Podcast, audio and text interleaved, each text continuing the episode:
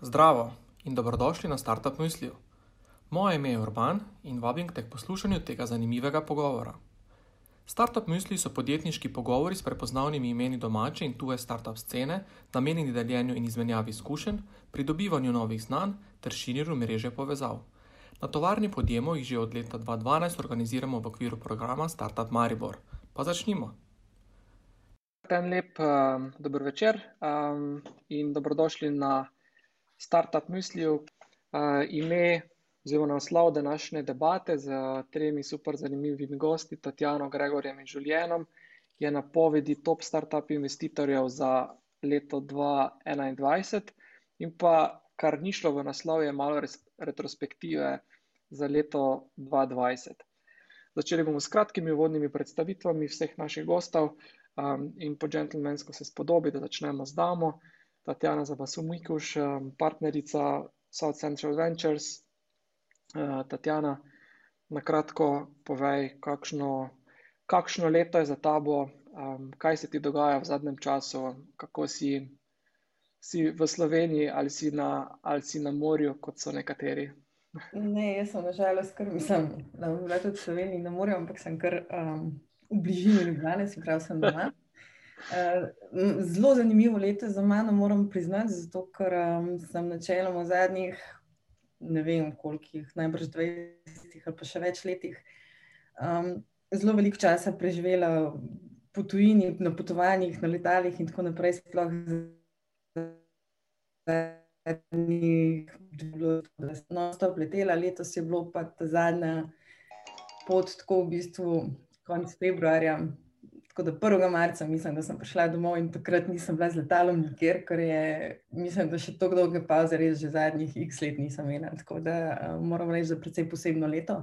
Pa ne samo v tem smislu, tudi uh, sicer tako kot verjetno za vse.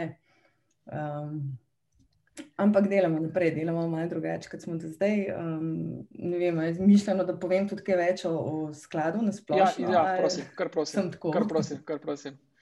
Izvolite. Pač sicer smo ja, drugače, pa so Central Venture, za tiste, ki ne veste, pač mi smo vodno sklad, ki investira v uh, start-up na področju Zahodnega Balkana. Uh, Sloveniji sicer čisto radno ne, ampak. Uh, lahko tudi tukaj, pač malo smo fleksibilni. Uh, večina, večina podjetij, v katere investiramo, in tako ni, se nobeno ni omejeno pač na, na delovanje v eni sami državi, se pravi, so vsa bolj kaj globalno usmerjena. Um, mi smo zelo osko usmerjeni, kar se tiče sektorjev. Pač tehnološka podjetja investiramo v zgodnjih uh, fazah, se pravi, da hočemo videti že neki trekšne. Naredili smo tudi nekaj seed investicij, ampak to ni na, ravno naš uh, sweet spot. Uh, trenutno aktualen portfelj v bistvu je 26-27 podjetij iz teh držav, ki sem jih omenila. Cool. Um, nekaj bolj uspešnih, nekaj manj manj, ampak drugače smo pa v bistvu že prisotni več kot uh, 12 let, nekaj takega na tem področju. Hvala za ta uvod. Podrobnosti bomo gotovo še dotaknili vseh uh, in investiranja in portfeljskih podjetij. Uh, nadaljujemo z Gregorjem. Um, Gregor, um, kateri sklad ti vodiš um, in kaj se dogaja, kakšno leto za tabo?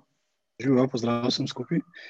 Um, ja, seveda, tako za vse, je zelo drugačno leto, ampak v bistvu zelo, zelo dinamično. Um, je res, da tudi jaz zelo pozdravljam to, da uh, ni bilo treba to kletati okoli, uh, da smo se vsi naučili, da se da tudi prek Zuma marsikaj izmeniti. Um, če vodim sklad Silicon Gardens, uh, sklad 2. Uh, s tem, da pred petimi leti smo ustanovili sklad ena.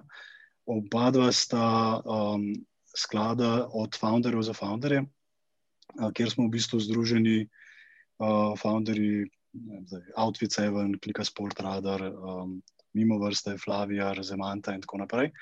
Uh, in v bistvu investiramo svoj čas in denar v pač podjetja, ki se nam in v seveda podjetnike in podjetnice, ki se nam zdijo zanimivi. Uh, mi pa smo izključno SID, se pravi, v bistvu investiramo 50 in 200 K. Um, in če pač uh, je kakšna večja runda, se pač v bistvu potem ali sami pridružimo uh, privatno, um, kot, kot še Angeli, ali pa v bistvu pač z še kom drugim uh, zunanjim skladi, ki jih pač delamo z njimi. rekel si 50 ali 200, kaj je to ali ali, ali tu vse tudi range tukaj vmes, skratka med 50 in 200?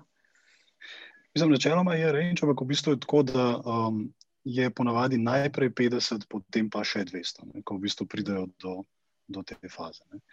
Uh, spet mi v bistvu doskrat um, gremo tja, kjer marsikdo reče, uf, to je pa še čist prezgodaj, uh, ker delamo v bistvu s founderji 3 do 6 mesecev, preden ratajo um, pripravljeni za investicijo. Ne? In v bistvu takrat ponovadi, ne nujno, ampak ponovadi vstopimo kot first money. Mhm, mhm. Kaj pa pomeni, v bistvu, ne, da, je, da vstopate tja, kamor še drugi, načeloma, v kakšni fazi torej vstopate? Pomeni, da to, kaj podjetnik, podjetnica, podjetniška skupina, podjetje že mora imeti, da se vi v bistvu vstopi v ta predpospeševalniški, kakrš, pač kakorkoli imenujete ta program. Mm, torej. Ja, v teh fazah, mislim, zdaj, zakaj omenjam, zakaj veliko ljudi tja noče iti, zaradi tega, ker je to pač tudi veliko dela in veliko časa ti vzame, veliko energije.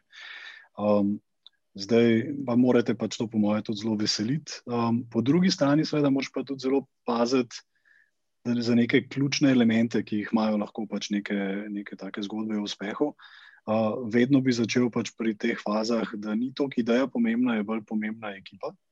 Um, ali je že pač neka ekipa ustanovljena, formirana, se poznajo že odprej, imajo neko pač dobro dinamiko. In seveda po drugi strani pa tudi, predvsem, da pač se lotevajo nekih, nekih challenge-ov, pa da imajo sploh v bistvu neko pogled v kaj so neki bolj globalni problemi, da se ne lotevajo nekih lokalnih rešitev, pa lokalnih zgodb. Um, zanimivo je tudi, recimo, um, zdaj le smo, mislim, da že na deseti investiciji za Silicon Gardens dvojko, dve še nista objavljeni, no, boste kmalo. In je zanimivo, da v bistvu nobenega podjetja ni um, rekel, da je prav, imamo podjetje, da je pač v Sloveniji ustanovljeno. Ne. Je pač RD v Sloveniji, ampak v bistvu vsi so se že nekako znašli, so v bistvu ustanovili podjetje v tujini um, in tam pač vejo, da bo tam njihov trg, da bo tam v končni fazi tudi potencijalen neki exit opportunity. Um, kdaj, mogoče uh, še to tudi vprašanje, uh, kasneje za, za Tatjano, uh, koliko denarja, za koliko investicij še imate na voljo v, v tej dvojki, eh, in ali, ali načrtujete že kakšen nov sklad? Eh, mi smo šele dobro začeli, ne? tako da v bistvu to je bilo prvo leto dvojke, ne? Tako da v bistvu smo eno petino zaenkrat investirali. Um, zdaj, za, če pogledamo nazaj, ne, se pravi pet let nazaj, smo pa enko štartali, kjer smo investirali v Flavijar, Clean Shelf, Immediately, Povio, Eurocenter in tako naprej. Um, te so pa pač v bistvu pol se predstavijo v neko tako management fazo. Zdaj, kdaj bo naslednji sklad, bomo videli, um, pač, ko bomo blizu pač konc te investicijske dobe tega. Um, hvala, Gregor. Um, Julien, Julien, now um, to you, so um, short introduction um, of uh, Philly Capital. Uh, so what's your um, what's your fund doing? What's your strategy? Uh, what kind of companies are you looking for? And and maybe for the beginning what kind of year is uh, behind you I look the uh, the year was quite interesting. I think Tatiana mentioned that from a, a personal standpoint, it was certainly a big uh, a big change. I think not seeing an airport and a plane in in nine months, I think, gave a very, very good rest to my eye and my soul. I have to say. um, so in in that respect, I think it was a tremendous year. Um, interestingly enough, it was uh, uh, Gregor mentioned that it was a pretty active year for us. We, I think, I don't have the exact stat because we are still closing a couple of investments, but I believe we will have made about 50 investments in 2020 roughly deploying 10 million euros, more or less, something like that, uh, which you know we, we see as a pretty pretty good year. Um, interestingly, um, the, the crisis didn't affect too much our companies uh, in the sense that I cannot think of one that went bust uh, because of the crisis. That being said, it was a very, very slow year. Um, you can see that companies in the B2C segment are um, are affected by um, overall, I would say, lack of demand. The B2B sector is is a nightmare. All the big when you try to sell to a big corporation, they're just postponing the decision making process. I believe the funding is a bit less available. That's uh, you know quite natural. It's harder to raise, and the M&A scene, which is the, the last shark at the end of, of our ecosystem, uh, has slowed down significantly. So I think it was a, it was a slow year, not a bad year, uh, but certainly by by all measures a slower, what I would call a slower. Okay, maybe maybe a sub question. So what was the plan at the beginning of the year in terms of uh, what would be a fast year or a normal year? Would you make more investments or uh, in in what in what way in what perspective it would be a normal? So where what change according to plans that were you know at the beginning of the like Gregor and Tatiana. I mean, when we we we were funded, so we we we had money to to deploy. I think the the only thing we changed was probably where we deployed it. I mean, by this I mean we didn't do much in the what I would call the horeca sector, so tourism, restaurants, and these kind of things, which is not our mm. sweet spot anyway. But you know, for us, it was a very active year. I mean, the beauty uh, in being an early stage investor is that you can invest in, in nascent teams and funders, which probably need some time anyway to polish their product. I'm not so concerned by by scaling. Uh, so I guess for us it, it was a, a, a, very very busy year. I think you, you could argue that making 50 investments in one year is it makes you pretty active. I mean that's you know, broadly four to five a month. Yeah you know how difficult it is in, in, in Croatia or in Slovenia to to conclude an investment if you think about the the lawyers, the notaries, and whoever likes to step into the process, you, you will know that it's it's it was pretty intense. Okay, and maybe just for uh, to close this with the question, so what what's your investment you know policy? So uh, um, what's so what what ticket size do you write? What's the stage that you're entering in? Uh, you something mentioned about the industries that you're avoiding. Yeah. We, we cover a very wide spectrum uh, due to the nature of our fund. So we invest from 10,000 euro up until, let's say, 1.5 million euros into companies. Uh, 1.5 million is our biggest check to date, and 10,000 is the smallest. Um, industries, we are pretty pretty much sector agnostic. There are a few things we like, and and there's one trend that we we seem to see in the region, uh, see emerging in the region is the esports trend. I mean, I in the in the last six months we've we've seen quite a lot of good esport opportunities coming up. It's not a field I I knew particularly well before, but certainly a field that uh, is catching uh, our interest. Um, the ones that we avoid, it's not. Um, I guess it's it's a temporary avoidance. I would say is our um, new companies dealing with hotels segment or, or restaurants and these kind of things just because they are closed so there's no big need at the moment to invest but that's in short cool Thank you all for this uh, introduction. Hvala vsem za, za uvod. Um, nadaljujemo z diskusijo tukaj v čatu, že nekaj se nabira nekaj vprašanj. Skratka, ali vključite vprašanja v čat ali pa kar vključite mikrofon. Uh, poveste, za koga uh, želite zastaviti vprašanje, in vas bomo vključili. Um, pa nadaljujemo z, z Tatjano s vprašanjem, torej, kdo v vašem portfelju nekako letošnji vaš portfeljski zmagovalec iz tak investitorskega vidika, torej kdo, katero podjetje, če, če ga lahko izpostaviš in seveda zakaj, um, ali pa kdo so bili zmagovalci na nek način.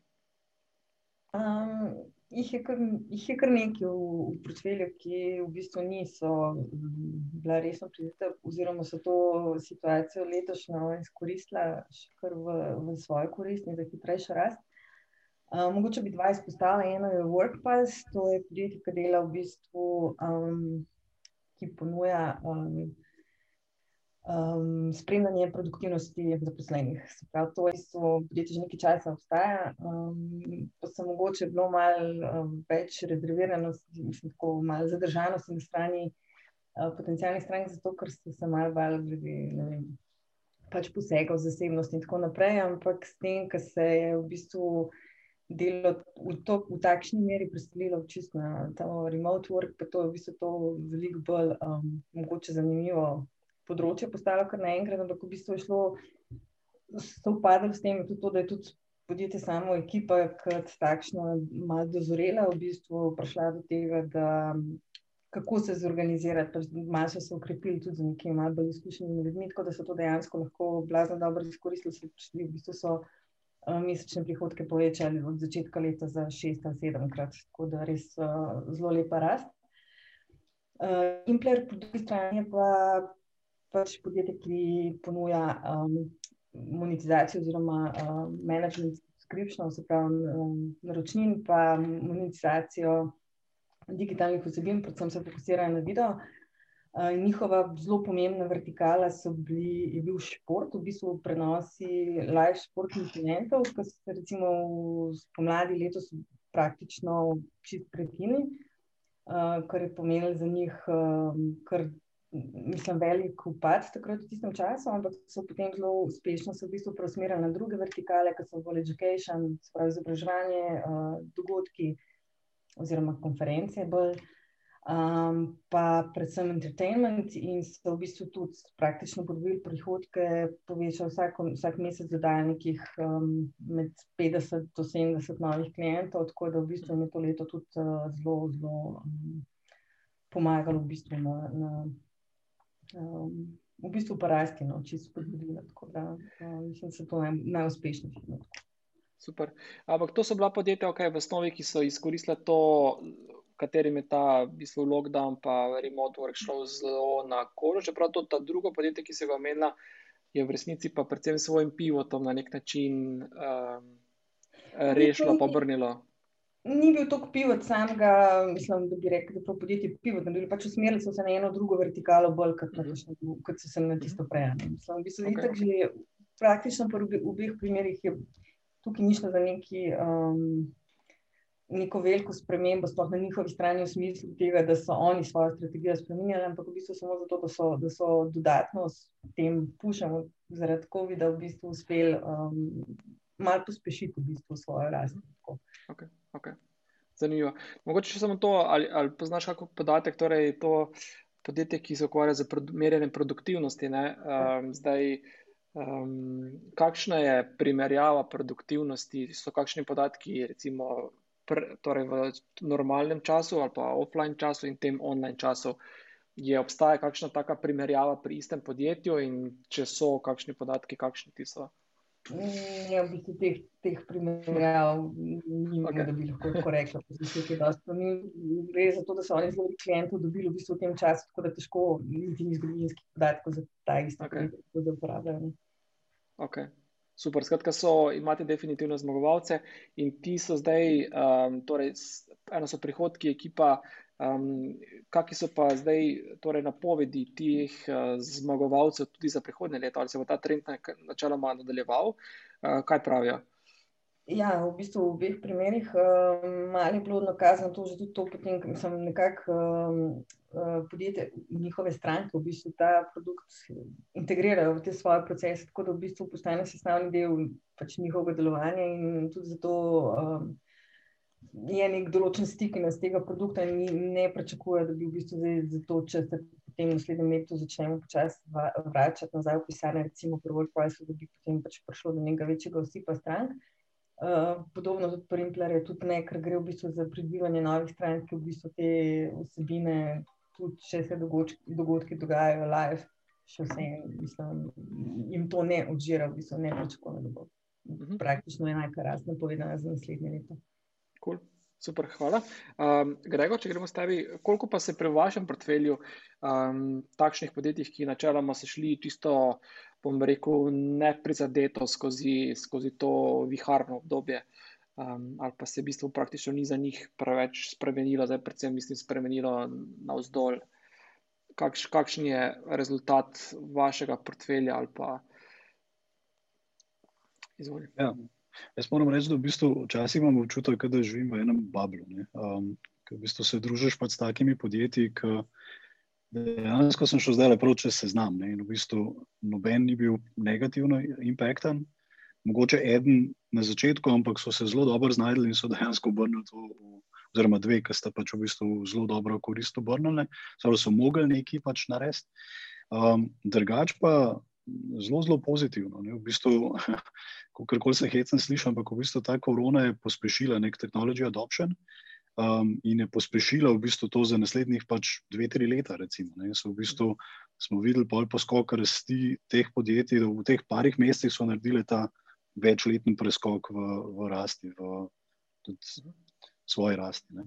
Um, zdaj, nočem sicer nobenih favoritov, pač kaj uh, zganja, ampak recimo vem, tri bi mogoče pač izpostavil. Ne. Recimo, eden je uh, BlaBlab, oni so prav mobilna aplikacija, ki um, pomaga staršem, ne, da, v bistvu, da otrok pač lažje začne tiste prve besede, prve zvoke in potem prve stavke oblikovati. Seveda je pač to čisto izključno za ameriški trg, zdaj mislim, da že imajo v španščini. Um, Targetirane, v bistvu to ni zdaj za Slovenijo, za Slovence, ne, ampak je pa, pa tudi za Evropo, ne, ampak v bistvu čisto ameriški trg. Um, in tam, seveda, se, tukaj je dosto očitno. Otroci so bili več doma, starši, pač starši so mogli delati, so jim dali nekaj tudi v roke in zraven se počutili še mogoče dobro, zato ker pač je pač pameten, dober screen time. Uh, in njim so pač v bistvu, njim se je revenue uh, v začetku tam korone se je pač početvoril, zelo lepo. In pa tudi naprej so pač nadaljevali, uh, zelo dober. Um, drugi je mogoče influji. Oni so takrat, ko smo mi investirali, so imeli v bistvu 100% revenue iz Slovenije, pa so pač delali so imeli en produkt, ne, se pravi, influencer marketing za različne brende. Uh, pa so pa tudi uh, z inputom z naše strani, se pravi, vem, iz Flavijarja, iz Ekoja in tako naprej, ne, smo prišli v bistvu do nekega zametka, ki smo ga sprobali in dejansko zdaj pač tudi uspešno izvedli za nov produkt, kjer pa se gre dejansko za content creation. Se pravi, v bistvu, da ti. Te, ki so bili prej influencerji, da pač v bistvu jih uporabljajo za ustvarjanje, in v bistvu uh, dejansko brendom ni treba pač fotošutov več organizirati, um, agencij najemati in tako naprej, ampak v bistvu se obrnejo na influji, ki potem oni zaženejo to v svojo mrežo in v bistvu dobijo take zelo kreativne ideje nazaj. Zdaj pa pač že vsak ima latest iPhone z full dobro kamero, uh, če še pač imate pravi izgled, ne, ne vem, Flavija, Doska Trap, nekoga z brado, pa z irskim naglasom, ne, recimo, pač pojmoš take najdete. Ne, ali pa v bistvu ne vem, da mogoče nekdo, ki fita nekomu drugemu uh, opisu. Ne, in v bistvu je to ful lažje delati kot pa neki agenciji. Ne. In um, so obrnili pač, da je zdaj praktično cel nov revenue iz. Um, Iz Amerike, Anglije ali pa pač Nemčije. Uh, in v bistvu zelo lepo raste. In tudi en tak, dober efekt. Dobro, poleg tega, da v bistvu tem agencijam ne, je težje pač fotošute organizirati zdaj. Uh, in je to pač lažje tako narediti. Um, en tak lep primer je pač ena firma iz Kanade, ne, ki rabi fotošut iz, iz um, puščave, pa iz plaže. Ne, in, kako bo zdaj to izvedel, ne, pač v trenutni situaciji. Ne, zelo težko. Ne. Tukaj pa pač so lepo pomagali. Um, in uh, začeli so delati z res velikimi firmami. Um, in v bistvu tam imajo še pač ogromen potencial, ko pač te firme pač se nekako spoznajo s tem, dobijo confidence in, in lahko še naprej rastejo.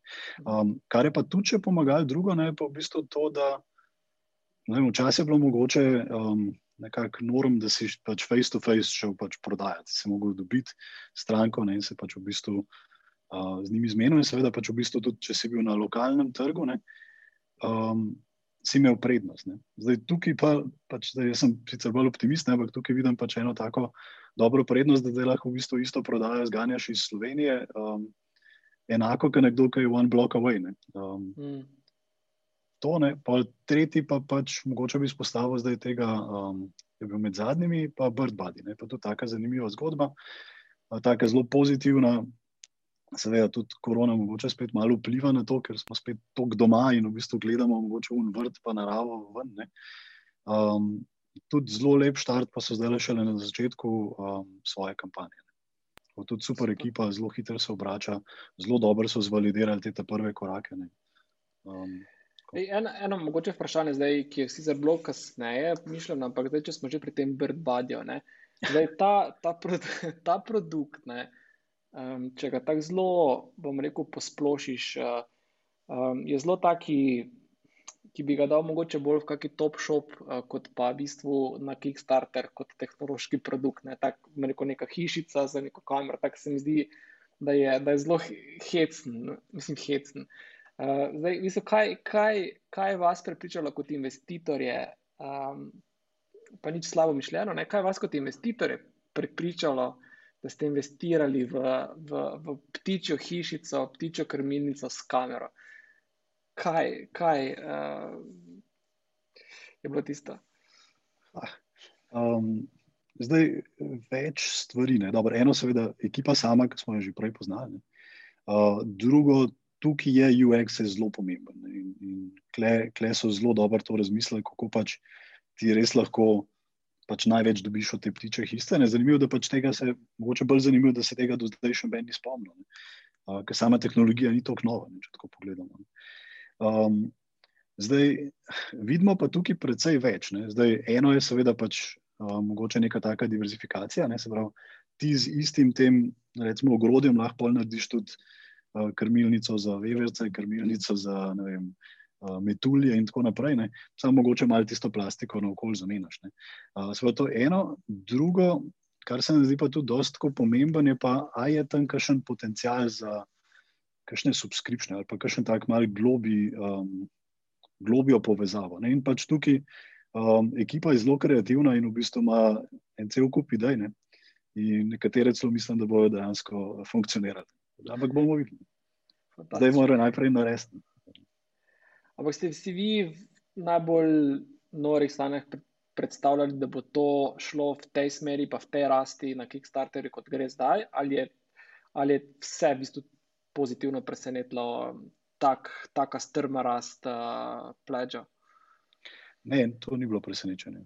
Kako se to mogoče malo hitro sliši, ampak uh, Um, jaz mislim, da smo še del stran od tistega maksimuma. Ne. Tudi oni lahko še vedno, mislim, prvič imajo še kar dost uh, do konca kampanje, in drugič pač lahko še kje ponovijo pač kampanjo. Uh, jaz mislim, da v bistvu oni imajo full potencijala, je market je res širok. Uh, pač teh, ki imajo radi ptiče, v bistvu jih je veliko. Uh, teh, ki bi radi zdaj le bili raje v naravi, je tudi veliko. Um, zdaj ekipa, ne, pa tako, kot sem omenil, ne, je zelo lepo to zvalidirala. Mm. Zdaj, mogoče je to pač uh, bolj fajn za en ločen tok, um, pa, pa pač da ekipa sama pač to razloži, ampak v bistvu um, smo bili kar zelo konfident, da bojo prišli vsaj čez pol milijona, če, pač, ampak to je v bistvu že tisti čist iz tok mailov, kot so imeli nabranih in, in tako pocen, koliko so lahko v bistvu te maile dobivali. Mm. Plus, da so pač na teh mailih že delali pač neko dodatno validacijo, če ne celo monetizacijo, ne, ker so v bistvu dejansko pač že neke recimo, predprodukte, so pač že v bistvu pač prodali in tako videli, koliko so pač resni te, ki so se pač uh, upisali na mailing listu. Zelo tak lep šolski primer. Ampak dejansko bodo zdaj lahko ta pol milijona po deseterli, načeloma, ne? tudi pet milijonov je še vedno dosegljivih. Ne? Tako. Ja, cool, super, uh, hvala. Um, in uh, super, no, uh, taki res navduš, navdušujoč primer uh, takih starterjev za konec leta, odlično. Um, Julien, did you buy the, the bird body? Did you pledge? How many houses did you buy? Uh, no, just just kidding. Um, so uh, one question that would be for all. So we are now all seen uh, or heard, uh, you know, the, the, positive cases. So everything went up because of the lockdown, of the online work, and everything. So, but I'm more wondering, what about the cases that basically were, let's say, screwed and were on the other side of the this K uh, K curve, and did uh, like a really strong pivot and find their way out of the black hole. Uh, Julian, do you have maybe that kind of you know companies in your portfolio so that were really down and that you know the circumstances were not in their favor, but they with the creativity with you know smart decisions find their way out of this you know pitfall that we're you know in. We have we have uh, one interesting example of one company doing fertility testing in the us so um, you know a, a, local team here in the region selling 100% uh, making 100% of the revenue in the us in in fertility testing and and uh, fertility re- recommendation programs. Of course, there, there could be no could be no test anymore because everything was closed. And what they did, so they lost, and from one day to the other, um, all their revenue. And this company was making some significant revenue. I mean, you're talking a couple of million euros already. So um, not a, a pre-seed startup. So they decided to turn uh, into a telemedicine uh, cons- consultation for fertility. And in one month, they came back to the initial revenue, and the, it is likely that they will increase the revenue this year. Mm-hmm. that's one pretty interesting example of a, of a pivot. we are at the point now with them that we are talking how whether we're going to keep this new vertical or not. I mean, it's uh, actually it's causing an interesting uh, post lockdown question in the sense that we you know what sh- what should should they do what should we do i mean should we ki- kill the the first business or the second one and keep both i mean some interesting questions so we we do have a couple of examples mm-hmm. um, like that but so this is maybe a similar question that with or discussion that we had with Tatiana before. So how do you then, how do you decide? You know, what is the actually the effect of the COVID and the lockdown, and it's really you know changed you know circumstances and what is here to stay. So how do you decide you know what to keep and what to uh, what to ditch in a way uh, in terms of you know strategy product service? So how, how do you decide? You mentioned that they the new vertical is now basically generating more revenue than the previous one. So how do you make the production projections and decisions for the future based on what is happening if you know if if I was good at projecting stuff, my name would be Warren Buffett, not Julian Custori, unfortunately.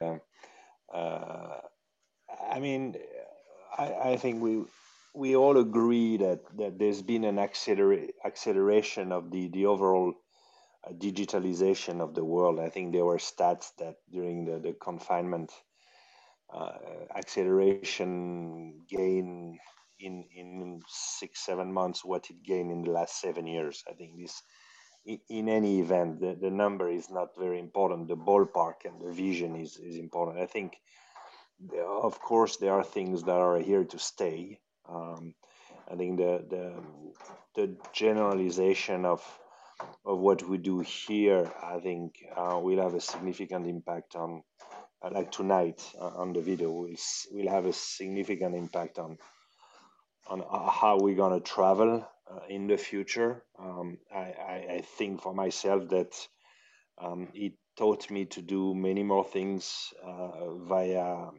online tools, and, and I think um, it's going to uh, for sure have an impact on, on the, the, the travel industry. Um, I believe there'll be less flight. Flights will be more expensive, forcing us to to travel less. That's for sure um, you know some other impacts um, harder to harder to to to guess at this point um, you know but um, some things will for sure stay uh, not not everything but a, a, lot of the habits consumption habits online consumption for sure uh, are gonna are gonna be here to stay.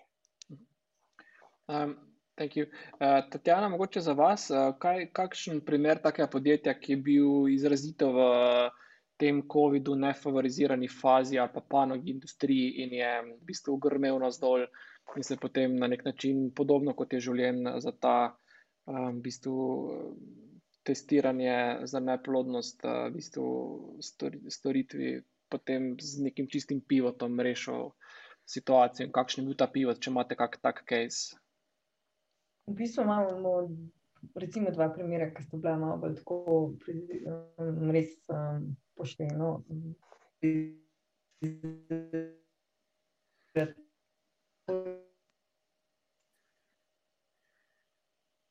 Um, Tatjana nam je malo zmrznila. South Central is not paying internet bills. uh, Gregor, mogoče vskočiš uh, v, v tem istem vprašanju, skratka, da, da dobimo nazaj Tatjano. Um, ta, ja, kak, kak case, dol, pogor. Stavil dva.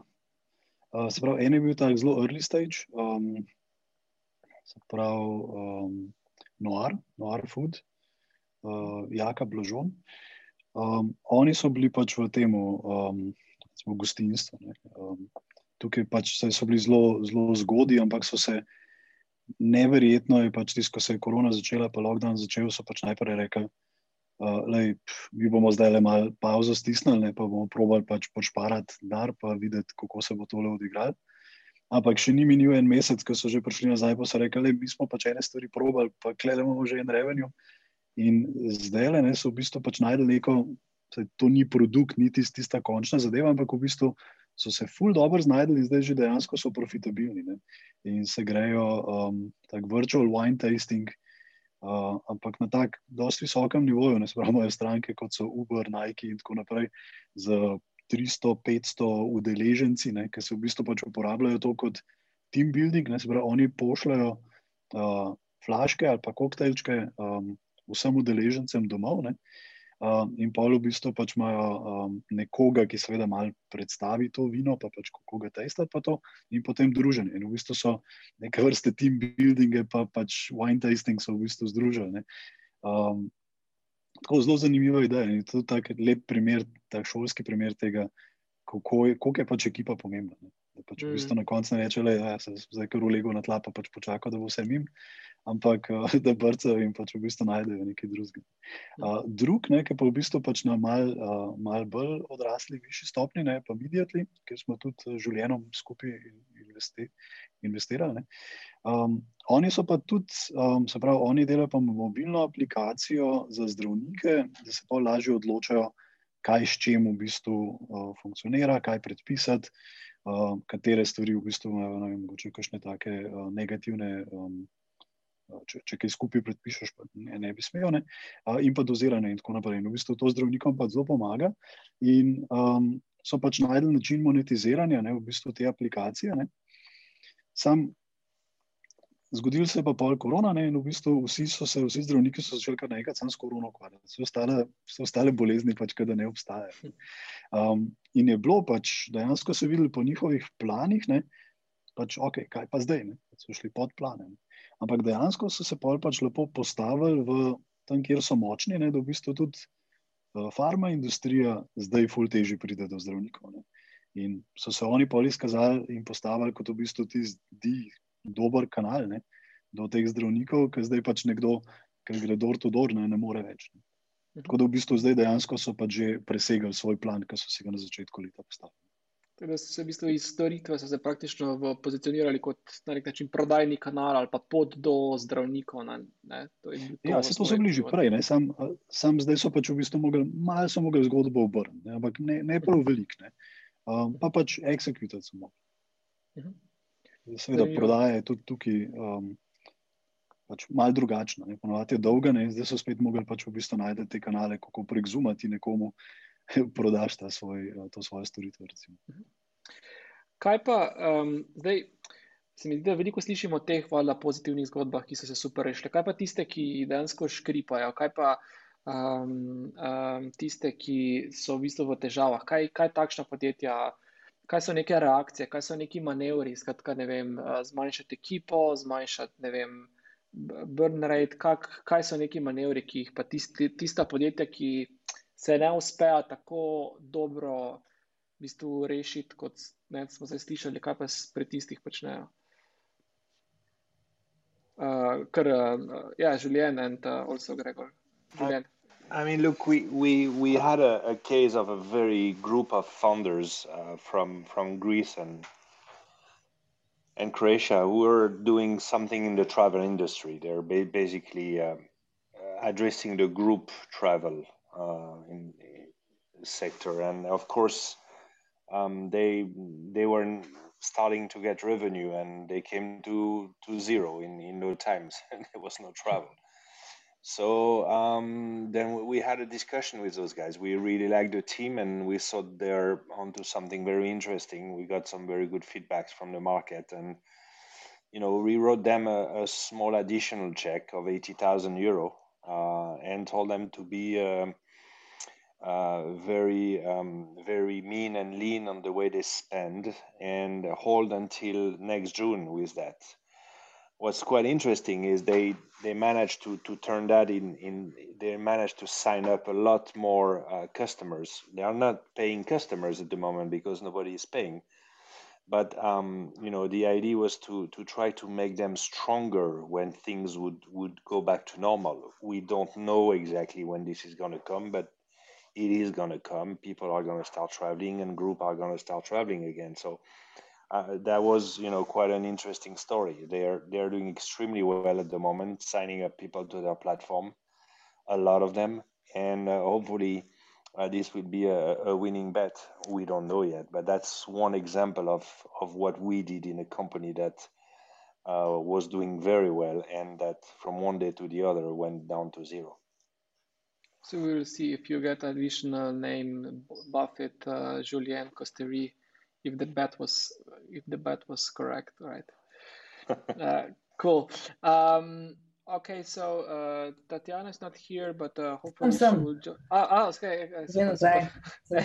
Prvi je vezal dal padla. Um, uh, super, da si prišla ravno ta pravi, uh, ta pravi trenutek. Skratka, Agrivi je investicija, ki ste skupaj z že, mislim, da zaprli, pa ste tik pred zaprtjem, skratka, grivi, hrvaški uh, startup, uh, um, mogoče še to, skratka, investicije, tudi tako velike se v bistvu se dogajajo. Um, uh, ali je to vrstno sodelovanje, pa so investiranje nekaj običajnega, in ali je mogoče tudi sej, ta COVID situacija na kakršen koli način vplivala, da tudi skladi bolj sodelujete s tem, da diversificirate malo tveganje ali je to uh, ta mogoče na grivi primer, nekaj čisto tipični primer sodelovanja ali pa so investiranja skladov? To drugo, to čisto, v bistvu to ni povezano s COVID-om, v bistvu nikakor. Uh, mislim, pač ni. Ker se tiče tega, je to dejansko prva sama investicija, ki jo delamo za Filruš, ampak uh, nasplošno je pa že v naravi skladov pač to, da poskušamo sindicirati čim več. Uh, čim več investicij, ker gre pač za to, da kot prvo lahko malo večji puš daš podjetju, če je v pravi fazi pač za tako večjo investicijo, kot drugo je pa to, da uh, v bistvu tudi malo diverzificiramo tveganje, pa tako oziroma malo ga zmanjšamo. Recimo pa še m, praktično tudi network, ki ga preneseš uh, enemu startupu, če, če je tukaj več uh, nekih uh, investitorjev involviranih, je sigurno pač ta network večji in tudi s tem pač malo povečaš možnosti, recimo, za um, uspešno. Pač, za uspeh. Okay. Cool. Uh, uh, zdaj, ko, že, uh, ko, si, ko, si pri, ko si že pri besedi, Marko sprašuje, ali se investicijska uh, ali pa strategija investiranja, pa to je zdaj vprašanje, ki ga potem vključim vse, um, na kakršen koli način spreminja na uh, pač vzeto v obzir COVID situacije, skratka so se vaši, ne vem, kriteriji, evalvacije, termšiti uh, in vsi ostali elementi investiranja spremenili zaradi uh, COVID situacije, če so, če so se, uh, na kak način? Mislim, generalno niti ne, zato ker v bistvu smo že tako bili na usmerjeni na tehnološko podjetje, ki pač nekako omogočajo ali pa olajšajo prehod na neke digitalizacije, tudi v nekih rečemo, bolj klasičnih uh, industrijah, pa to ali pa v bistvu sploh neke nove stvari, ki dejansko so um, vem, tehnološko napredne. Tako, tako da v bistvu, da bi rekel, da, se, da se je strategija kaj bistveno spremenila, se ni. Zdaj, vredno evaluacija, pa vse skupaj zaenkrat, sicer mislim, da še ni. Um, Še ni velikega vpliva, je pa res, da se stvari dogajajo počasneje, da um, mogoče tudi um, z vidika tega, kako financiranje pač zagotoviš nekemu podjetju, da pač res, te, sploh zdaj v tem času, ko je manj, manj oziroma še bolj nesiguren, kot je že itak, uh, da mogoče tudi malo bolj gledaš na to, da dejansko mogočeš nek dost dolg runway podjetju, se pravi, da ni to zdaj zato, da bo za naslednjih šest mesecev, ampak da mora biti za daljše obdobje. Um, Pa pač mogoče ja, zdaj določiti, ne vem, travel industry verjetno zdaj pač ni prav zelo aktualen, pa neke stvari, ki, ki več kot očitno v trenutni situaciji ne morejo, um, nimajo prostora, da zrastejo, pač zdaj ni ugoden trenutek za to, um, za investirati v take zadeve, ampak ne, ne bi pa rekel, da zdaj to pa generalno blazno spreminja neki strategijo. Okay. Je verjetno še več podarka pač na stvarih, kot mogoče nek remote work ali pa neko online Productivity. sodelovanje. Cool. Uh, Julien uh, Gregor, Julien. Uh, so, the, any changes in your investment strategy, term sheets, uh, valuations, so in, in terms of how you approach and you know invest in companies because of the COVID? No, when it comes to co-investment, I think Tatiana, uh, I mean, in the Agrivy case, she she she mentioned to you it's it is not a direct relation with anything COVID. I mean, we we have a very good relationship with with South Central. Um, it we've looked at a couple of deals together. Things happen, things don't happen, and it happened on Agrivy. It was not um, COVID related, and um, we're pretty pretty happy to to do that. I think Mhm. co-investing is um, is definitely a, a great way to to do things, especially when um, in this region the ecosystem is small enough that you know we we all uh, uh, respect and appreciate each other. Um, we think it's it's fine.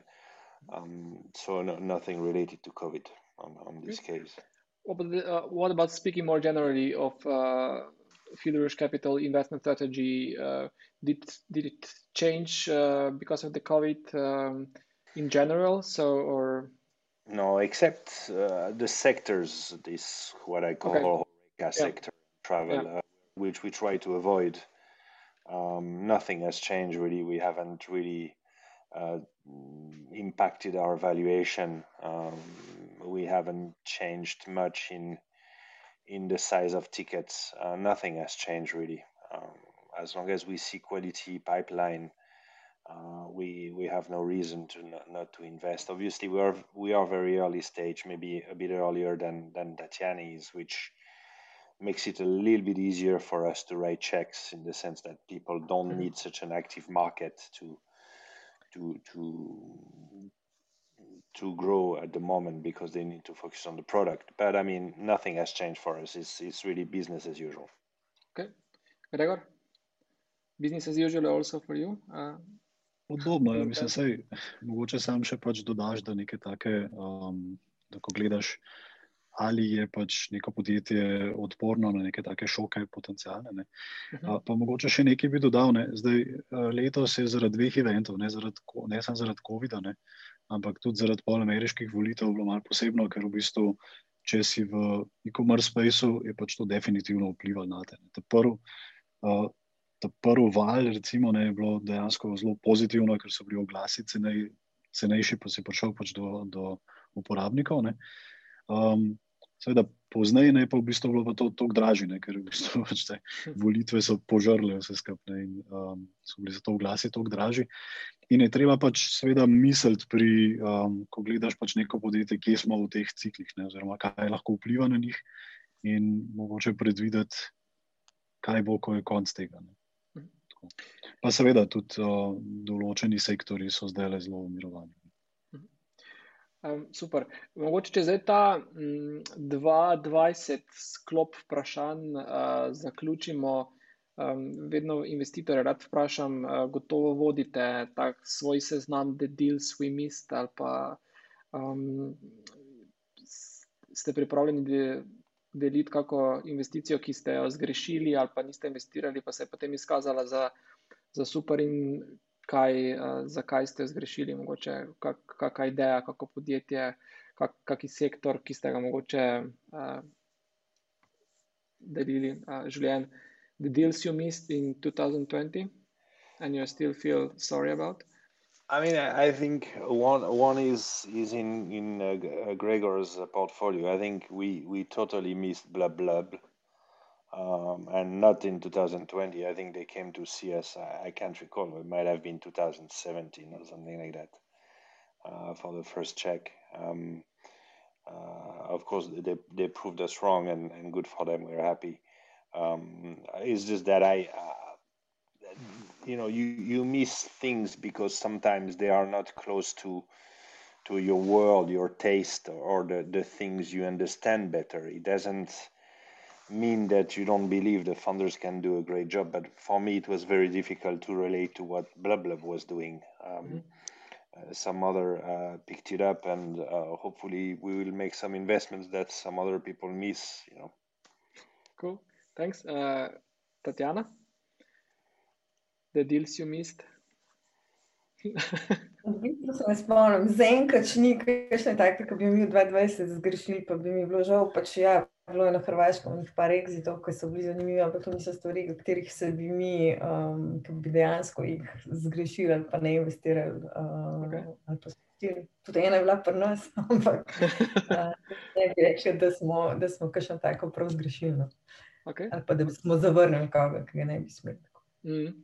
Gregor, mogoče pri vas? Ja, zdaj, po mojem, še malo prezgodaj to reči. Um, po prvem letu še ne vidiš, um, kje so tisti, ki si pač, um, preskočil, pa, pa so ratali zelo uspešni. Ampak sej, bi se pridružil življenju. Pač sej, um, tudi vedno, če, oziroma tistim, ki pač rečemo, žal ne, ne um, je v bistvu bolj z mesičem, pač le, še vedno ti bomo pomagali. Um, mi smo se pač odločili, da, da ne bomo investirali v te. Um, ker mogoče pa samo ne poznamo tega sektorja dost, ampak to je tvoja ideja, vi ste founderji, dajte naprej še z isto energijo in nekaj vam bo že rata. Mhm. Um, in jaz mislim, da to bo prišlo vem, v drugem, tretjem letu, ko bomo lahko nazaj pogledali in rekli, ok, gledaj, je pa nekaj zrasel, ki smo pa zgrešili. Ali pa smo mhm. videli, pa, pa smo preskočili. Mhm, bomo pa mi investirali čez dve leti. Cool. Uh, zdaj, uh, mogoče, če se zdaj malo še premaknemo, um, torej, in South Central in uh, FRC, v bistvu investirate v tej širši regiji. Um, in zdaj na Hrvaškem je kar, um, tudi letos je se rodil ali pa prodal, kakorkoli vzameš, uh, nov unicorn, Infobip je bil prodan. Um, po vajnem mnenju, uh, bistvu. Kdaj lahko mogoče pričakujemo, kakšen je nov slovenski unikorn, ima kdo kakšne ideje? Tako kot je prej rekel, življenje, pa bi bil si Warren Buffett, če bi zdaj vedel. um, ne, jaz v bistvu ne vem.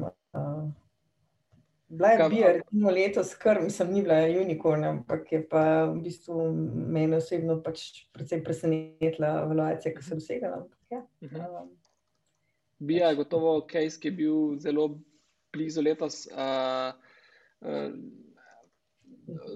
Življen, Gregor, vidita, se ni nujno tudi, da omenita, katero podjetje, ampak vidita, ali pa v naslednjem, ne prih, prihodnem letu, ampak v naslednjih tem, petih letih, v kakšno slovensko podjetje ali pa podjetje slovenskih founderjev, ki bo uh, doseglo ta glorificiran status, čeprav malo mitološki, pa mogoče umetno, ampak vseeno. Uh, bomo imeli v naslednjih petih letih kakega slovenskega unikorna. Ja, vse naše investicije, sam še ne tako malo, ne se, se hecam. Um, um, ja, lej, to, to je težko reči, mi smo to kar listavič, da, da bo to še nekaj časa trajalo. Ne. Um, nekateri imajo že zelo dobre zametke, ampak vseeno, v bistvu ta unikorn status, moraš kar nekaj teh uh, orang faz preskočiti, da priješ do tega. Julian? Uh, surprised Gregor didn't mention Flavia. For me, it's uh, it's the next one. Uh, I think they they've had a, a phenomenal year by all means, and I think they haven't even scratched the surface of what they can achieve. Mm-hmm. Uh, and um, they have a tremendous funding team. So um, if I had to put my bet on on the next Slovene unicorn, I would I would maybe say Flavia at this point. Cool, fantastic. Yeah, you're right. Uh, odlično. Um, mogoče še malo um, ta neka primerjava zdaj uh, hrvaškega in slovenskega ekosistema. Vseeno, zelo sem blizu, pa lahko to jemliš kot en ekosistem ali pa eno regijo. Uh, ampak vsekakor je, se mi zdi, da tudi je kar nekaj unikornov ali pa kar nekaj dobrih, velikih, hitro raztočih podjetij, tudi um, hrvaški ekosistem v bistvu producira. Um, mogoče tu življenje, Tatjana, kakšne so primerjave enega in drugega, pa neke sporednice različ, različnosti uh, obeh ekosistemov. Mm, če mislim, kot prvo, se pozna, da je Hrvaška večja kot Slovenija, se pravi, da je čist kritična masa, je, je pač več eh, ljudi, več startupov, um, vsega v bistvu malo več. Um, mogoče tudi malo bolj, uh, se mi zdi, da se še bolj povezujejo in bolj odpirajo na zven, kot, kot mogoče pri nas. Drugače pa ne vem, ne bi rekla, da je tako, da je bistvena razlika v. Uh, vem, v ekosistemu, kot takem. No, tudi, kar se tiče, recimo, vem, talenta, oziroma tega pula, ki ga imajo in oni, in mi, mislim, da tle bi težko rekli, da je neka bistvena razlika med Slovenijo in Hrvaško. Cool. Thanks. Uh, Julian, any differences, uh, similarities, Slovenian, uh, Croatian? I think it's smarter to say than what Tatiana said, so I'll just shut up. Okay, cool. Smart smart thing to do. Thank you. Um, um, ok uh, premikamo se v zadnje pa urce pogovora um, tako da dajte uh, še postaviti uh, kako vprašanje uh, nekaj se dogaja že tudi v četu um, um, torej Edmond Petrovic sprašuje what are the obligations of the startup company and what are the rights that the fund have against the startup Um, so, um, um, who would answer this question? Odgovoril? Tako zelo enostavno. Julian, yeah, you're. We need more than more time for that, but you know, it's yeah. whenever you sign a contract with someone, you have rights and duties. It's a little bit like what you do when you you marry. So I guess uh, getting an investor on board is like a marriage. You're in, you have obligations, duties, sometimes good times, sometimes hard times, and when the times are good, you have a baby. Mogoče sem še dodala tako ne že to, da nekako bo napisano v vprašanju v smislu, kaj ima investitor proti startupu. Mislim, da ti enkrat investiraš v eno firmo ali pa eno ekipo, potem si pač v istem čovnu in tukaj ne gre zdaj za dve, moraš biti pač na isti liniji, isto usmeritev, moraš imeti zdaj um, tiste pravice, ki jih imamo, ne kot sklad. Um, um, so bolj bolj pridejo do izraza takrat, ko grejo stvari nečistko, kot bi morali. No, tako da um, načeloma je pač ideja o tem, da, da smo na istem čevlju in da gremo proti nekemu istemu cilju. Ne, in da um, se pač valjda neke pogodbene obveznosti so in tudi cilji so pač definirani, ko se investira. Tako da to je pač odvisno od vsega posameznika. Kaj pa mogoče zdaj, eh, veliko krat se tudi to pogosti pomisleki, ne? kaj, ne, torej, da se to, kar si točno omenila, Tatjana, ne, da se ne investitore ne tretira kot nekoga, ki je v bistvu v istem čovnu kot ti, ampak nekoga, ki vesla ali pa ni na istem čovnu, ne, kot nek sovražnik na nek način. Ne? Ampak v resnici temu ni tako. Um, ampak kaj pa so kljub temu neki vzvodi, ali kaj, kaj, kaj so neki scenariji? Um, rekla si, ko ne grejo tako, kot so bile planirane. Kakšni so neki scenariji, negativni ali pa slabi scenariji, kaj v takih primerih ima investitor v svojem, bom rekel, arzenalu uh, ukrepov. Tak, mogoče, ja. Običajno pač imaš neko varovalko, kjer recimo, si pridržuješ pravico, da posežeš v vodstvo, recimo, ne, če pač vidiš, da stvari ne grejo, da pač zahtevaš, um, da se postavi še koga v boru, tako da zamenjavo. Pač tako, to so res stvari, ki se pokaže, da recimo nekdo, ki pač to vodi, tega pač enostavno ni zmožen dovolj dobro delati. Um, to je ena opcija, potem druga, recimo ponovadi imamo investitorji neke anti-dilution klauzule, se pravi, če nekdo drug investira za nami po neki evaluaciji, ki bistveno odstopa od tiste, po kateri gremo mi noter, se pravi na vzdolj, da je nižja, potem imamo nekaj pravice do nekih dodatnih deležev, da se pač uh, to nekako izravna. To je ena pol. Um, recimo še najbolj pomembno, tako mogoče z vidika um, uh, investitorja, tudi kar se tiče exita, ne, da pač si pridržujemo pravico, da po določenem obdobju ali pa vsaj za določeno evaluacijo pač zahtevamo, da zato, ker običajno imamo pač mi manjšinske deleže, da če pride nek kupec za podjetje, ki zahteva oziroma želi večinski delež, da pač potegneš še founderje za sabo v tak uh, del, da potem pač zagotoviš dovolj velik delež. Ampak to so pač stvari, ki so namenjene temu, da se mi zaščitimo, samo to, da nismo potem z tako eno investicijo, iz katere ne moremo ven. Zdaj, um, še mogoče na kar, uh, vseeno zdaj, torej skladi imate omejen rok trajanja, bom rekel, ne? Um, ali je ta, vseeno ta COVID uh, situacija vplivala na to, da boste pa imeli takrat torej, težave prodajati te ali pa dezinvestirati te naložbe, ker se pač v bistvu so se meniki podjetnikom, podjetjem premikali v prihodnost, torej bo, bodo ti exiti težji, ki jih pač morate narediti, uh, um, ali tukaj ne vidite nekih težav zaenkrat. Mislim, sigurno vpliva, ne? predvsem vpliva zato še mogoče bolj kot ti meniki, ki jih naše firme dosegajo, oziroma tako je v bistvu še bolj na strani potencijalnih um, pač prevzemnikov, ne?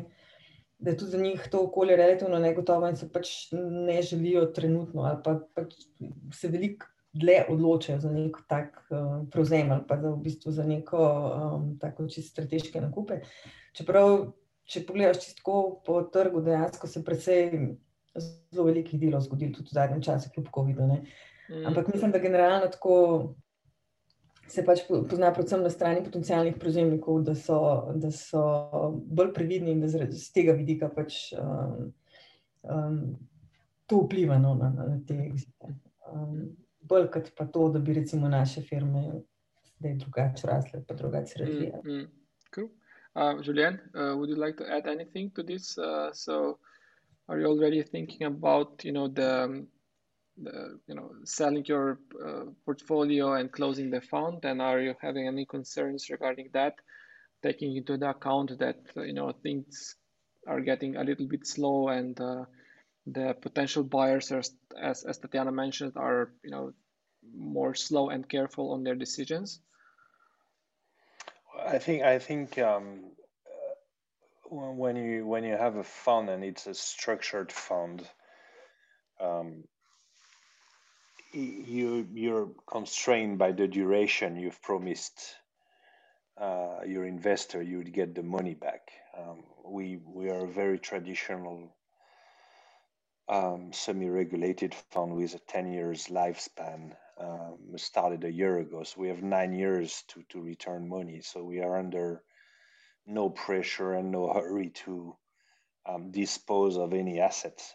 Um, mm-hmm. That being said, we're like everybody, you know, uh, even myself. Uh, I'm for sale. It's just a question of price, mm-hmm. and uh, I'm I'm applying that as well to uh, to my portfolio. So if the right opportunity uh, comes, um, we will sell, but we are under no hurry to do so. Mm-hmm. Cool. Um, Gregor, bi še ti kaj dodal? Um, ja, mislim, podobno. Ne, se pravi, v bistvu eno v prvem letu od 10 do 12 let, ki so ponovadi skladi. Um, zdaj, pri kakšnih se mogoče živiti, ampak večinoma pač delaš predvsem na, na zdravih temeljih, na no, v bistvu pač nekem dobrem poslovnem modelu, ki ga boš lahko rastel veliko bolj zdravo je pač delati na samem podjetju, uh, kot pa v bistvu, da se pač ne pozicioniraš pravilno za exit. Ali pa razmišljati pač preveč o exitu na začetku. Ne. Mhm. Po drugi strani, seveda, je pa pač zelo fajn, da pač vseeno pa greš počasi v, v neko pravo smer. Ne. Dobro je vedeti, pač, koliko je pač to, um, ta segment, koliko je aktiven, um, kaj se dogaja, kdo ponavadi kupuje komu se moraš recimo, um, približati. Um, ampak to je veliko, to, to delaš pol, ker je v bistvu pač podjetje že dosti močno, da, da ga ne more skopirati nekdo, da, more pač, da, da je dejansko vreden ga pač prodati. Mhm. Cool. Hvala, Gregor, mogoče, ko si zdaj že odprt. Um, zdaj, če gremo zdaj še malo na to, rekel, drugo leto, prihodnost, gospodarsko klimo, zdaj, kaj, kaj napovedujete za drugo leto? Ne? Zdaj, v bistvu napovedi si od tega, da se bo um, torej GDP produktivnost uh, v bistvu full krčila, v drugi strani so neki podatki, da bo, ne bo tako radikalno. Kje, kje so vaša mnenja, vaši pogledi? Znova malo kličem vašega uh, Warren, Warren Buffett, stran osebnosti uh, in strokovnjaka. Mislim, da je podoben kot življenje, who knows, zares. um, Saj se sicer pač odločamo, vsak pač nekaj odločitve, ampak vprašanje, kaj se bo zgodilo zdaj. Um, Jaz bi mogoče le sam rekel, da pač je, je par stvari, ki vedno poganja ta svet. In eno je, da pač v bistvu ta convenience je vedno pač tisti, ki je pač, um, ki ustane. Ne? Se pravi, če je bolj convenient, da se ti tako le prideš na event, ne? pa da v bistvu uh, tako le se zmeniš s stranko, ali pa um, bo pač to zelo verjetno pač ostalo. Razen če kaj manjka temu. Mislim, da bo podijem naslednji let, ne bo še fizično, ne? pa naslednji let mogoče bomo pa vsi hoteli, da bo, da bo digitalen event. Um, po drugi strani pa pač v bistvu um, tudi mislim, da čim se bojo pa neke zadeve začele, pač, čim se bo pa začelo odpirati. So pa tudi ljudje, smo tako naštimani, da pač gremo zelo radi nazaj v tisto normalo, da pač hodimo v zuben, da se pač tudi družimo in tako naprej. In se mi zdi, da te stvari se bojo pa tudi zelo hitro nazaj vrnile. Um, Zdaj, kako pa kaj, pa kako hiter, pa vprašanje. Cool. Um, Tatjana, uh, bi kaj dodala? Tatjana Buffet. Ja, ne, to, kar je Gregor rekel, pač zločine stvari bojo imele, pač bo vredno ostale spremenjene, tako kot so druge, se bojo pač vrnile nekako v, v svoj prejšnji ritem ali pa prejšnje načine. Um, sem pa predvsej prepričana, da v bistvu celo to leto, ki je res. Um, v bistvu na marsikaterem področju precej omejilo in so aktivnosti vse skupaj, da se to pač bo poznalo na splošni klimi in da, in da težko verjamem, da bi šlo to čistko gladko mimo, da pač zdaj bomo podprli vse in vse, kar je bilo in vsi bojo na istem, kot so bili. Mislim, to mislim, da se ne bo zgodilo. Ne. Da se nažalost bo marsikaj tudi poznalo ta, vem, devetmesečno za eno letno balkaneniko spanje, oziroma vsaj pač na določenih področjih res čisto stavljeno, pa čisto um, zmanjšana aktivnost. Uh, še tukaj, Tatjana, zdaj morda za tebe vprašanje. Martin Rečko sprašuje, kakšna je v bistvu pričakovana donosnost na, na sklad uh, in IRR na podjetja. Ja, pač, ko zbiraš sklad, potem pač boš naredil, ne vem, trikratnih skladov, recimo tam blizu 20 IRR na ravni sklada, ne? kar pomeni, da ti moraš za vsako investicijo pa, pa računati, ne mislim, tako čist nekje, kaj smo, 30%, s tem, da se zavedaš tega, da je pa verjetnost preživetja podjetja tudi ni 100%. Ne? Ampak to pač spet um, nekako poskušaš. Um, um, uravnotežiti tveganje, pa pač nek potencial za rast s tem, kaj pričakuješ dejansko, kaj še ni rado. Cool. Um, hvala.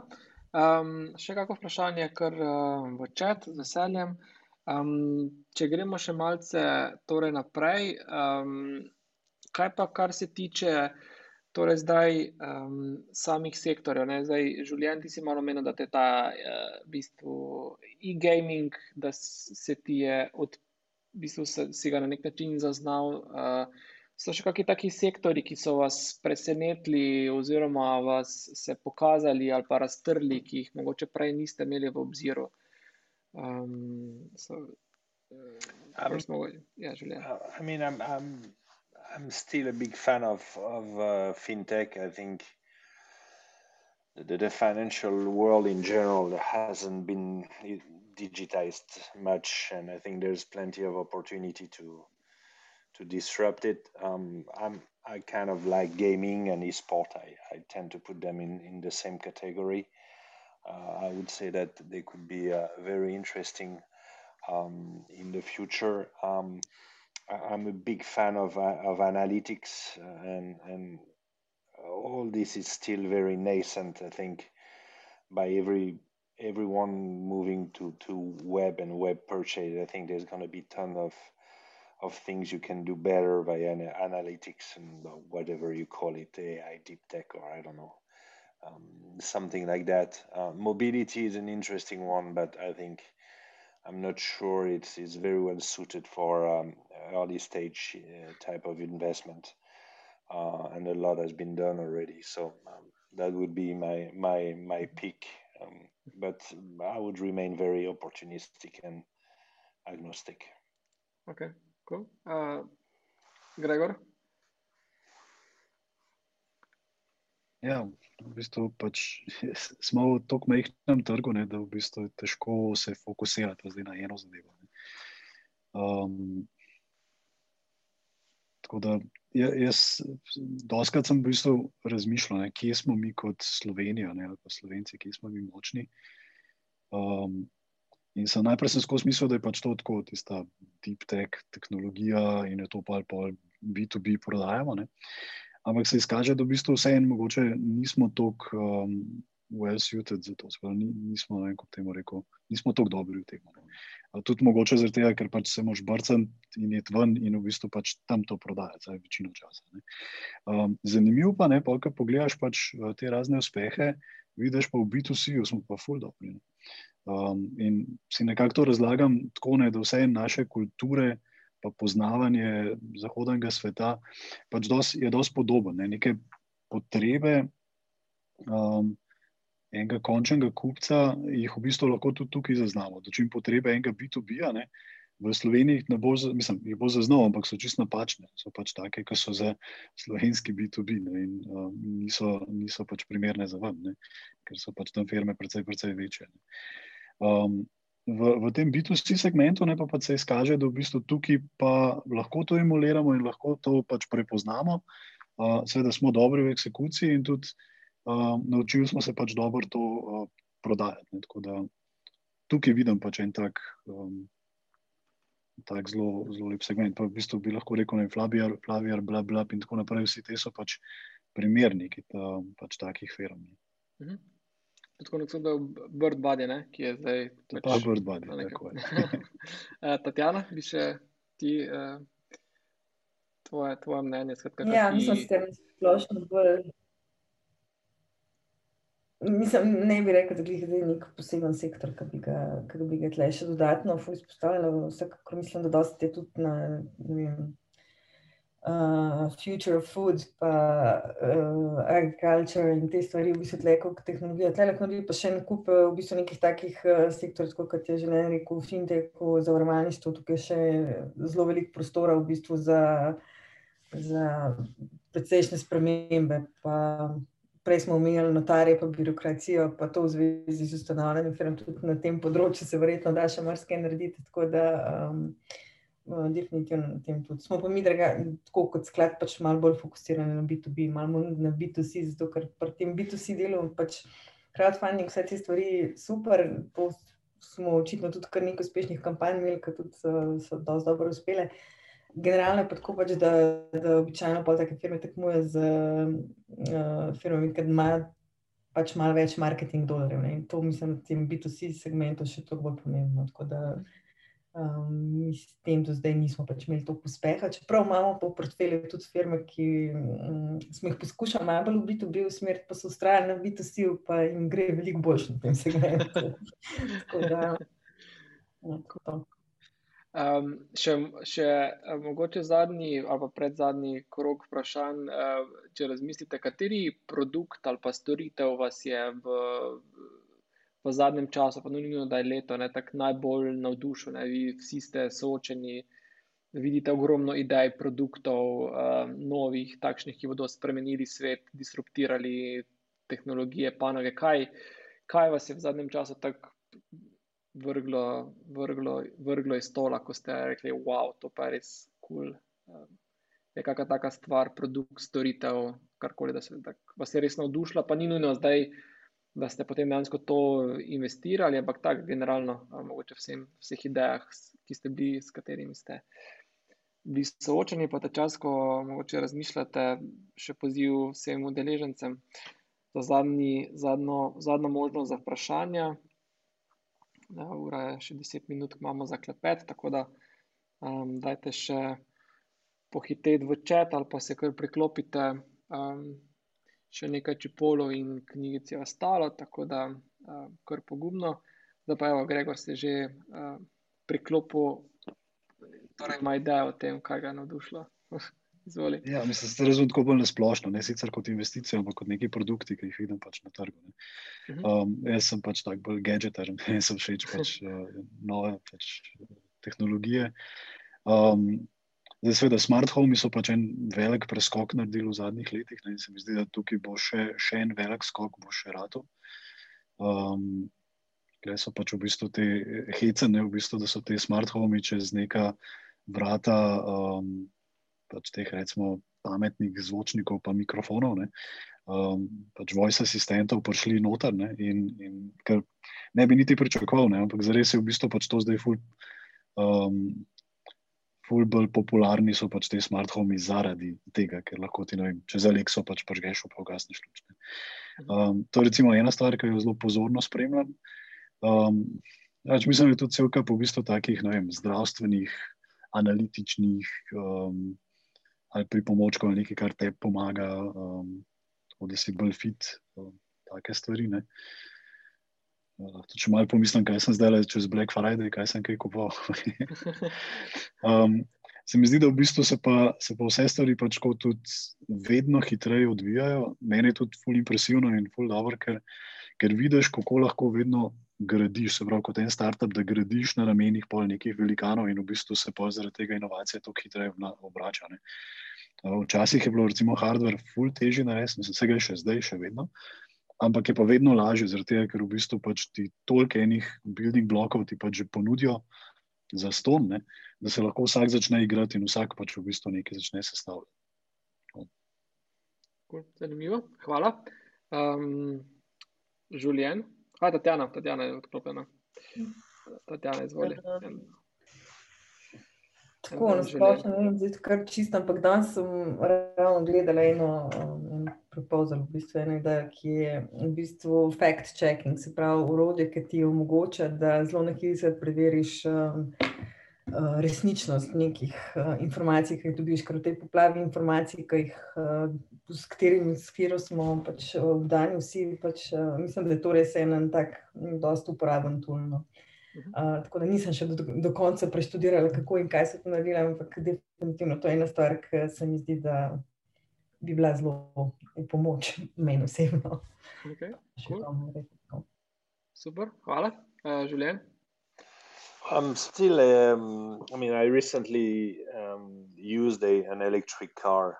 It was not a Tesla, but um, and I, I, and I got quite excited. I have to say about about that. I think um, electric cars are, are now here. I mean, they, they get they get 400, 500 kilometers autonomy. I plugged it in in my garage, and you know during the night it recharged, and I, I just thought, okay, I mean, what we've been waiting for is is here now. It's it's affordable.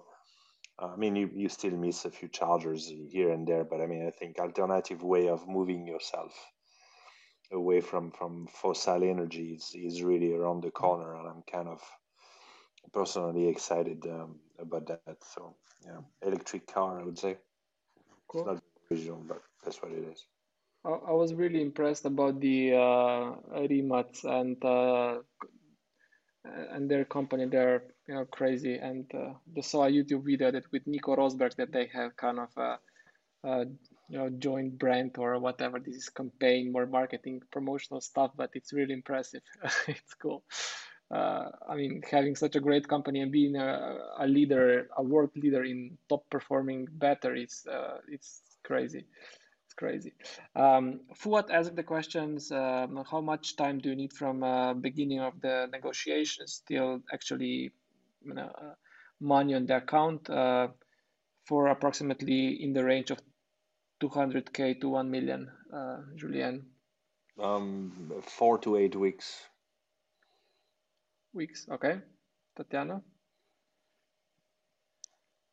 Ja, mi si ponovadi, ker znamo nekaj časa, tako da bi rekli, bolj nekaj mesecev. No. Odvisno od tega, koliko se poznamo, pa koliko je pripravljena runda. Mhm. Ok, thanks. Um, Gregor, uh, zdaj bolj za 200. Um, mislim, čisto odvisno, ali pa že poznamo podjetje in ekipo že odprej ali ne, ampak ja, bi tudi rekel, pač nek tak time frame. Mi zelo radi pač se dobro spoznamo, oboje stransko, ne, se pravi, v bistvu, da oni nas poznajo in obratno, da vidijo pač, kaj, kaj lahko dobijo pač s tem, ko pač delajo z nami. Um, zato tudi vedno povdarjam, da mi začenjamo to pot, tako da se pač že tri do šest mesecev prej poznamo. Če se pa slučajno kdaj zgodi, da nekdo pride tako da se kar nekaj pojavi na radarju, ne, um, bi pa rekel, ja, da pač nekaj tazga časa. Ampak to mi zdaj še malo razložite, kak, Kako se zdaj spoznavate uh, v teh časih, ko pač je spoznavanje tako, kot se mi zdaj spoznavamo, virtualno preko Zuma? Uh, prej so bili dogodki, so bili srečanja, pa pisarna, pa uh, ne, druženje, neformalno, formalno. Uh, Kako kak pa zdaj, v bistvu, ker zdaj imate na voljo samo screen, kamero in to je to. Kako se zdaj spoznavate, kje zdaj začutite uh, ekipo, posameznike, dinamiko? Um, ko ste prikrajšani za cel kup nekih teh impulzov, ki ste jih sicer lahko v živo dobili. Mhm. To je res, to je pač je velik challenge, um, ker v bistvu človeka čist drugače začutiš, če ga pač tako imaš pred sabo. Um, ampak se zanašaš pač v bistvu tudi na vem, kolege, komunity, um, lahko ga pač poznaš že prej, ne, recimo pač vsi te, zdaj le te zadnji, recimo Žiga je bil, je delal z rokom Zorkatom, v bistvu pač pri mm. njemu bil produkt uh, manager ne, mm. uh, pri BirdBuddyju, uh, mislim, pri, pri, pri Outfitu, ampak to je co-founder od BirdBuddyja. Um, potem recimo za Ekus, ne, je bil v bistvu tudi um, pač ena londonska firma, EdTech, um, je bil v bistvu tudi Dilpeš, um, del Outfit 7 ekipe, spravo so se pač že odprej poznali. Ne.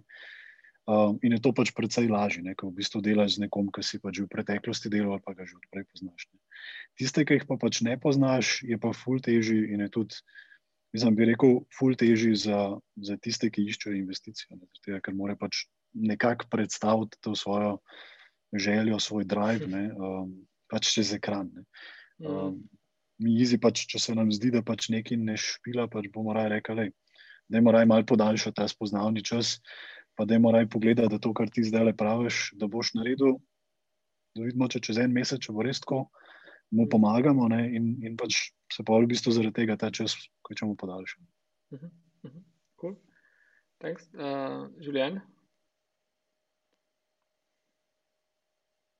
Uh, how, how do you uh, unmute yourself? So how, how do you um, so meet people, evaluate people? I mean, evaluate. So um, I mean, it's very difficult. I mean, that's that's one thing that will probably come back to normal. Uh, hopefully, after that. I mean, I, I don't I, I I love Zoom, uh, but I believe it has big limitations. Um, uh, and um, I think I think we we miss that, uh, and we'll come back to normal. Um, same for restaurants. I think you know it's it's nice to go for a coffee, have an informal chat to get to know. I mean, Gregor mentioned that and I was not very complete in the question of of course four to eight weeks. Presume that you know you've you've met the team before you're comfortable with the team. I, I mentioned more the, the paperwork aspect. Mm-hmm, mm-hmm. Um, so I think this is not the new the new normal. I don't I don't believe so. Uh, mm-hmm. I believe that I believe in human contacts in human interaction. Um, so. Okay thanks uh, and um, Tatiana Ja, se tudi uh, dosti strinjam s tem, da v bistvu mislim, da zdaj pač to obdobje nekako mogoče malo teže za, za nekoga, ki išče investicijo, da prepričati nekoga, oziroma ki ga nikoli ni videl v živo ali pa nikoli ni vedel za njega in tako naprej.